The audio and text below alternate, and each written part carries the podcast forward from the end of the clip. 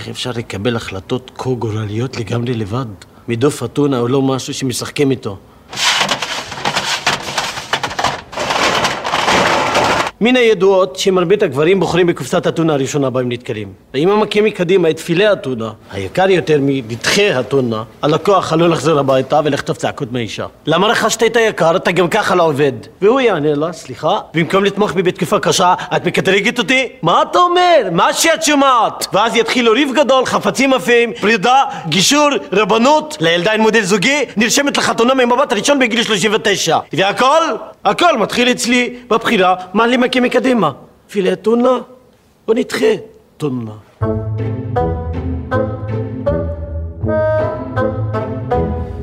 היי, אני כרמל, ואתן ואתם מאזינות ומאזינים לפרק חדש של מלכוד 99. אתם לא מתבלבלים, זה היה רמזי, העובד הכללי הבכיר של סופר שפע יששכר בסדרה קופה ראשית של כאן 11. אני מאמין שאף אחד מאיתנו לא חושד שאופן סידור המדפים שלו נגוע בשיקולים זרים.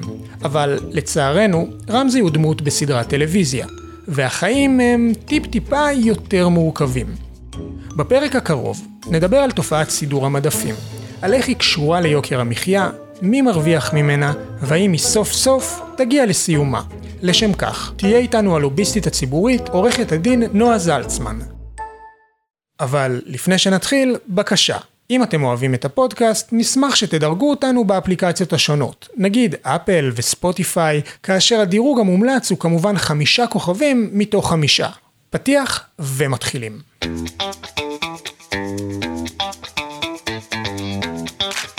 מילקו 99, הון, שלטון ומה שביניהם.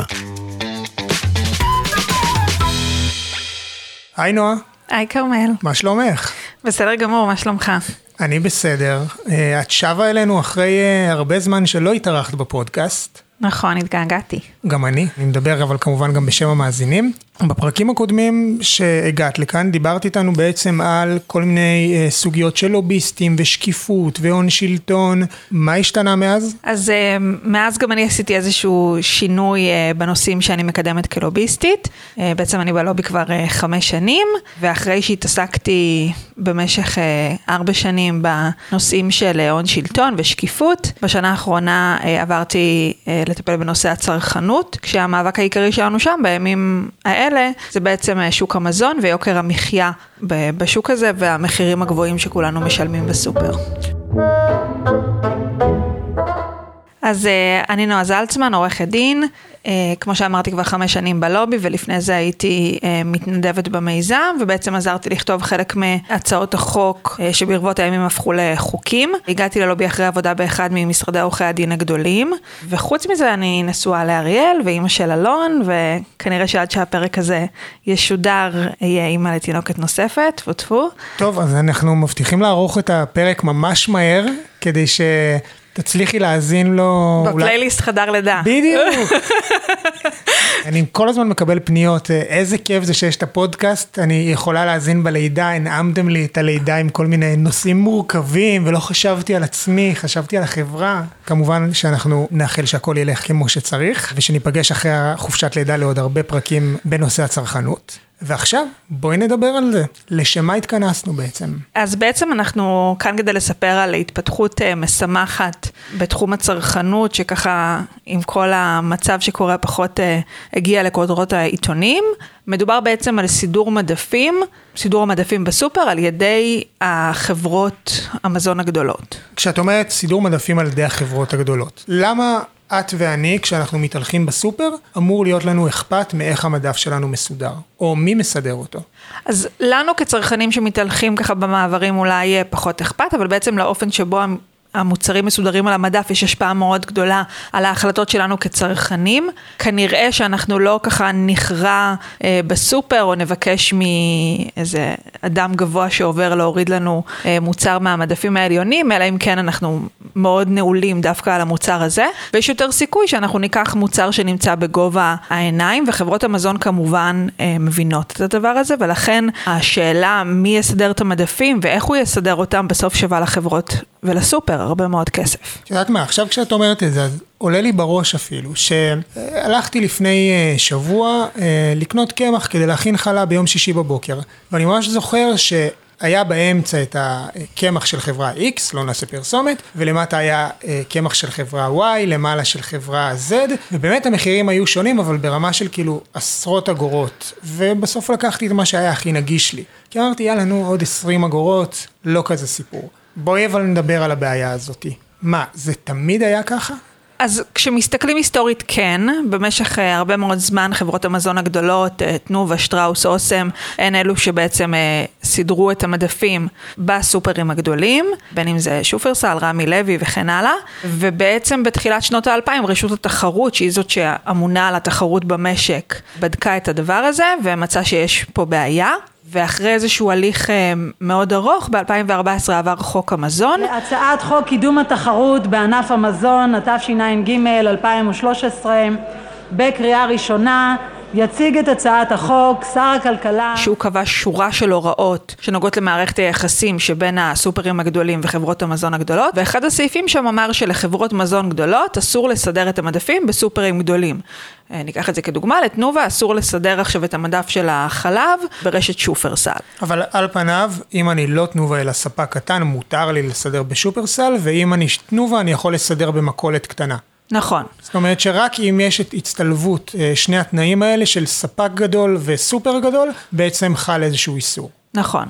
כן, אבל שווה לשים לב שהרבה פעמים ליצרן מזון קטן לא דווקא יהיו את התקציבים לשכור עכשיו כמות כזו גדולה של סדרנים שתלך לסופרים, ולכן אמנם זה אפשרי, אבל כנראה שזה לא, לא יקרה. אוקיי, אז נחקק החוק, על פניו, על פניו מעולה. טוב, כן, זהו, אין יותר בעיות, אז בוא נסיים. בוא, כן, בוא נלך הביתה. אבל uh, אנחנו רואים שאומנם יש חוק, אבל במבחן המציאות uh, הוא לא קורה. ביום שבו הסעיף הזה היה אמור להיכנס לתוקף, נכנס לתוקף uh, פטור של רשות התחרות, שבעצם אמר, אנחנו, למרות מה שאומר החוק, אנחנו כן נותנים לכם להמשיך ולסדר, אם אתם עומד- עומדים בכמה תנאים. אז אני מניח שעכשיו הזמן שלי לשאול, נועה, מהם התנאים שהספק צריך לעמוד בהם כדי שהוא יוכל לסדר בסופר? בעצם מדובר אה, בהתחלה על ארבעה תנאים.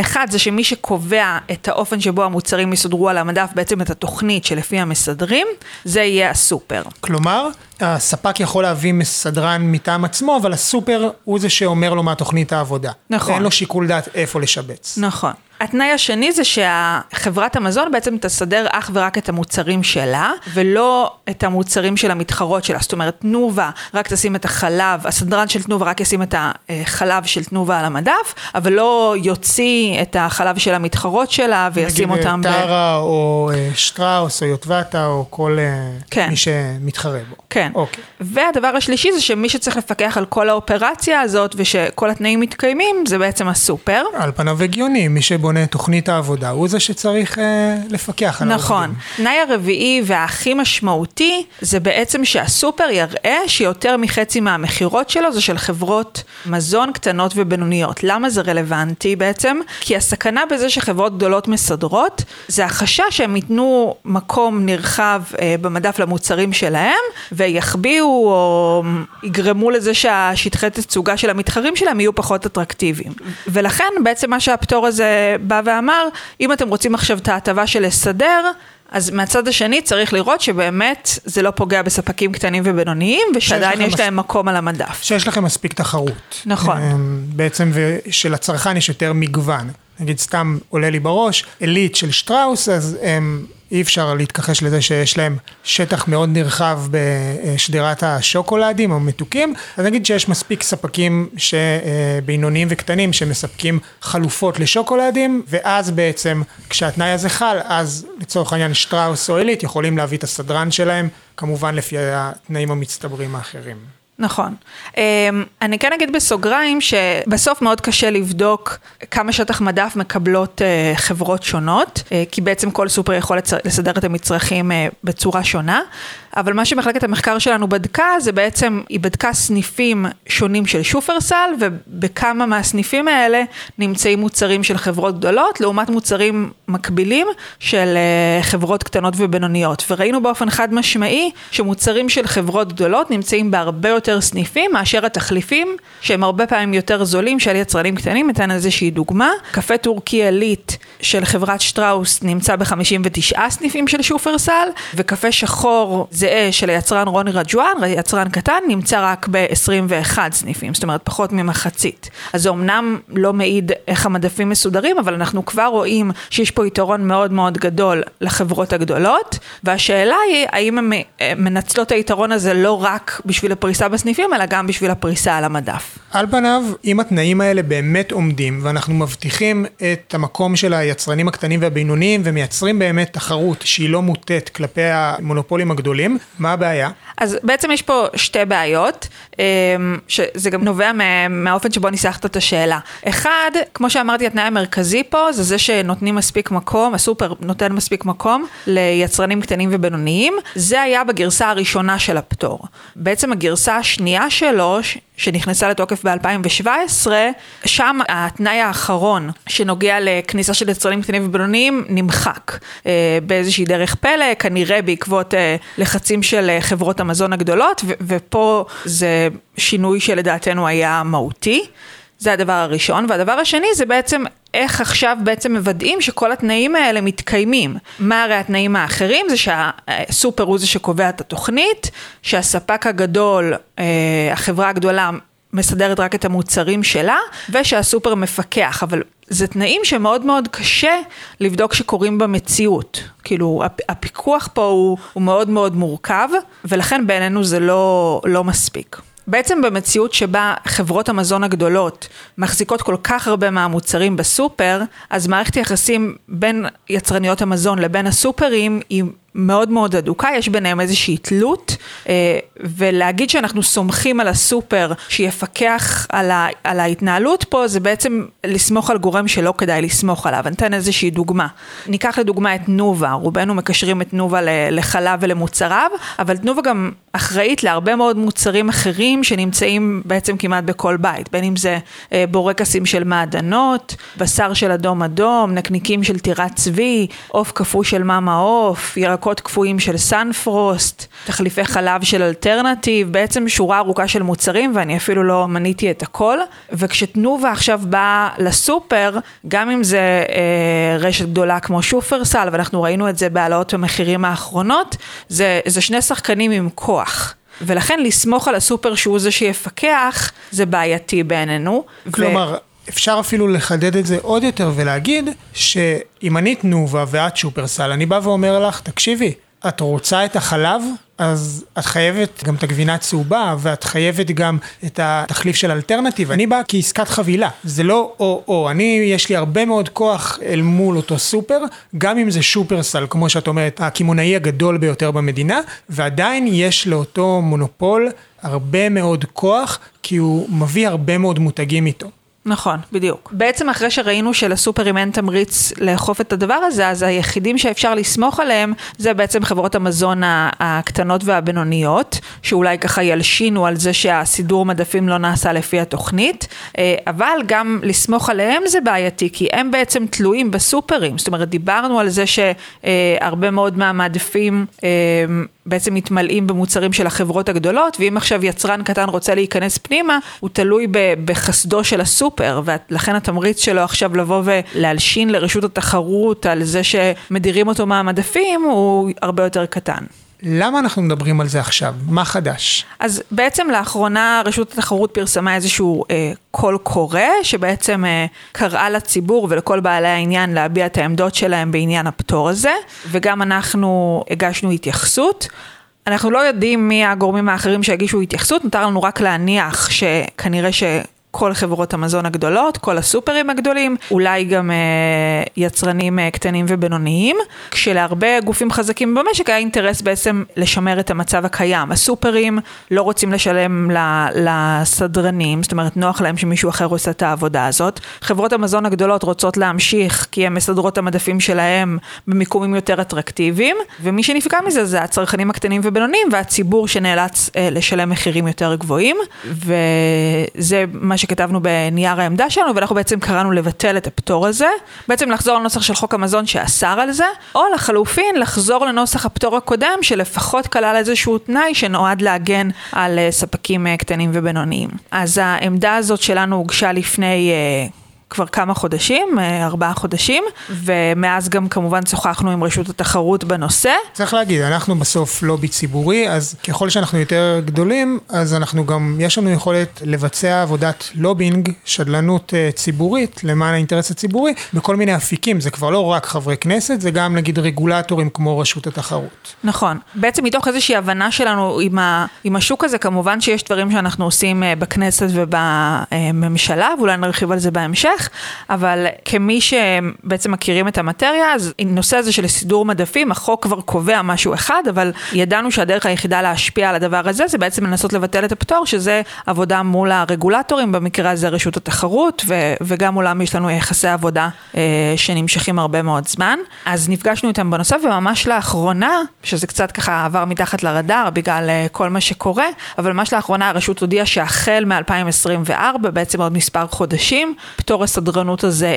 יתבטל, ואנחנו בעצם נחזור לאיסור שבחוק המזון, שיהיה אסור לחברות מזון גדולות להמשיך לסדר את המדפים אצל סופרים גדולים. זאת אומרת שאנחנו בעוד אה, שנה, אולי קצת פחות, נוכל להגיע לסופר ולראות על המדף של הקמח מגוון של קמחים שונים במרכז ולאו דווקא את הזולים יותר למעלה או למטה ואת מי שהכי חזק באמצע. נכון, אנחנו אולי נראה סדרן, אה, לחלקנו אולי יצא ללכת לסופר ולראות אה, סדרן ככה עם איזשהו אפוד שמסדר את המצרכים, אז אם עד עכשיו לא בהכרח ידענו מי שלח את הסדרן הזה, האם הוא של הסופר או האם הוא של חברת מזון גדולה, אז החל מ-2024 כשנהיה בסופר אנחנו נוכל לדעת בוודאות שהוא לא עובד של חברת מזון גדולה, וככה נוכל לדעת שההשפעה של איזה מוצר נמצא על המדף היא קצת יותר אה, מאוזנת. כמובן שלתלות בדבר הזה את, ה, את כל התחרות במשק ועכשיו שיוקר המחיה ירד, זה לא כל כך ריאלי, אבל אה, אנחנו בלובי מאמינים בצעדים קטנים והצלחות קטנות והישגים קטנים, וזה באמת הישג אה, שהוא מאוד משמח. אוקיי, okay, אז מדובר בהישג קטן, אה, אבל בסופו של דבר הוא הישג. בואי נעשה זום אאוט ונבין כחלק ממה אנחנו בכלל מטפלים בו. אז אנחנו מתעסקים בזה כחלק מנושא הצרכנות שנבחר בלובי לפני uh, קצת יותר משנה, כשבחודש uh, פברואר בעקבות uh, עליות המחירים שעליהן הכריזו הרבה מאוד חברות גדולות במשק, אנחנו יזמנו את מרד הפסטה שאליו יצאנו יחד עם הצינור, ובו קראנו להוזלת המחירים. העלינו את הפוסט בצינור ביום ראשון בשש בערב. התחיל באמת, הפוסט קיבל לדעתי כ-30 אלף שיתופים תוך פחות מ-12 שעות, זה היה משהו, מספרים מטורפים, שכאילו אפילו, אפילו הצינור לא מכירים מספרים כאלה. בטח יצא לכם לראות מה קורה בשעות האחרונות בפייסבוק הצינור, אלפי שיתופים, עשרות אלפי לייקים לקריאה די, מספיק להיות פראיירים, מספיק לתת לחברות הגדולות לרקוד לנו על הראש. מה עושים? באז מטורף, עוד באותו ערב כאילו עשינו על זה כאילו בצינור, והתחיל רעש, ובעקבות זה היה פולו-אפ למחרת. פתאום כולם התחילו לדבר על יוקר המחיה, פתאום זה פתח את כל המהדורות, פתאום אה, אה, באמת כל התקשורת הייתה על זה, למחרת זה היה מין פולו-אפ קטן, ואחר כך זה היה מין פולו-אפ שהתפוצץ בכל מקום, וידיעות, וערוץ 13 במהדורה הראשית. הצרכנים נגד אוסם הולך ומתרחב. ויותר מאוחר גם ערוץ 12 הצטרפו. סערה ששוטפת ישראל בשבועות האחרונים, המחאה נגד יוקר המחיה. מול המחאה הציבורית הגדולה על יוקר המחיה, צריך להציג צעדים כלכליים משמעותיים. חצה כאילו את כל הזה, ואז שהתקשורת נתנה לזה גף כל כך גדול, אה, וזה קיבל כזו התפוצצות ברשתות החברתיות, שפשוט כולם היו על זה, באמת תוך שלושה ימים. שלום לכם וערב טוב, אחרי שלושה ימים של צרכנות נבונה, נראה שהלחץ מתחיל לעבוד. גל ההתייקרויות שאמור היה לעבור כגזירת גורל נבלם מעט, חברת אוסם מצטרפת הערב לחברות שכבר חזרו בהן. ואנחנו לא הרפאנו, ואז הם הודיעו, בעצם אוסם הודיע, על ביטול העלאת מחירים. אנו מודיעים הערב, כי קיבלנו החלטה לבטל את עליית המחירים בישראל ולספוג את מלוא ההתייקרויות. המנכ"ל של אוסם הוציא ביום חמישי של אותו השבוע, חמישה ימים בלבד אחרי תחילת המחאה, הוא הוציא סרטון. אתם בלובי 99 מתעסקים הרבה בקומה העליונה של הדבר הזה. אומרים, פסטה זה דבר קטן, כמה שקלים לכאן ולכאן. לאן מפה אפשר למנף את המאבק הקונקרטי על מנת שתהיה השפעה ארוכת טווח על יוקר המחיה? בעצם בחודשים שלאחר מכן, אה, כיוון שלא הייתה בעצם ממשלה אה, לקדם מול המהלכי מדיניות, אז אנחנו אה, התעסקנו בהובלה של כמה מהלכים כאלה, בין אם זה מרד הפסטה או מרד הטונה, אה, אבל אנחנו כארגון פרקטי הבנו שאין בעצם תוחלת רק לקרוא כל פעם למרד צרכנים, וחייבים לקדם פה איזשהו שינוי עומק משמעותי בשוק.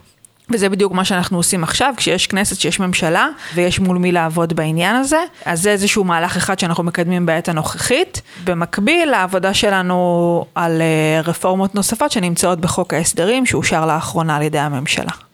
טוב, נועה, אז אה, משהו לסיכום? את רוצה להוסיף אה, לפני שאנחנו מסיימים? כן, חשוב לי אולי לשקף למאזינים איך זה נראה מהצד שלנו כשאנחנו נמצאים אה, בוועדות על הנושא הזה. אה, וזכור לי דיון שהיה ממש לאחרונה בוועדת הכלכלה של הכנסת, שאליו הגיעו נציגים של כל חברות המזון הגדולות, כל הסופרים הגדולים, רמי לוי בעצמו הגיע, ובעצם, אם אני זוכרת נכון, חוץ מלובי 99 לא היה שם איזשהו ארגון חברתי שישב באותו דיון מסביב לשולחן והביע ככה דאגה מעליית המחירים שכולנו מרגישים בסופר, וזה למה אני שמחה להיות בלובי ולעבוד פה. פה ולייצג את הציבור הרחב, ובעצם להביא לשולחן מקבלי ההחלטות את הקול של הציבור, וגם הזדמנות לומר תודה למאזינים ולחברי הלובי שבעצם מאפשרים את הדבר הזה, וככל שיהיו יותר, ככה אנחנו גם נוכל להיות בעוד דיונים ולייצג את האינטרס של הציבור סביב שולחנות נוספים. תודה רבה, נועה. תודה. זהו, אנחנו מסיימים עוד פרק של מלכוד 99. זו ההזדמנות להודות לאייל על התמיכה הטכנית ולאודי על עריכת הסאונד, וגם לנועה על השתתפותה בפרק דקה לפני יציאתה לחופשת לידה. אעדכן אתכם שממש השבוע נולדה בתה השנייה, וזו גם ההזדמנות לברך אותה בהרבה מזל טוב לרגל התרחבות המשפחה, אז בשמי ובשם כל צוות לובי 99, מזל טוב נועה. ובחזרה אלינו, אם יש לכם שאלות, חפשו מלכוד 99, הצטרפו לקבוצת המאזינים בפייסבוק, או חפשו אותנו בטוויטר, נועה זלצמן, לובי 99, ואותי, כרמל נמש. חוץ מזה, באתר האינטרנט שלנו תוכלו למצוא מידע נוסף, ואם גם אחרי זה עדיין נשארו לכם שאלות, המייל שלנו הוא פודקאסט שטרודל לובי 99, org.il. ממש שנייה לפני הסוף, זה הזמן לקרוא לכם להצטרף ללובי 99 בכל סכום שתבחרו, וככה בעצם תוכלו לתמוך בפעילות החשובה שלנו. ועכשיו לסיום, כמיטב המסורת, אם אהבתם את הפרק, אז שתפו אותו הלאה לחברים, משפחה וסדרנים בסופר. אני הייתי כרמל, יאללה ביי. מילקו 99, הון, שלטון ומה שביניהם.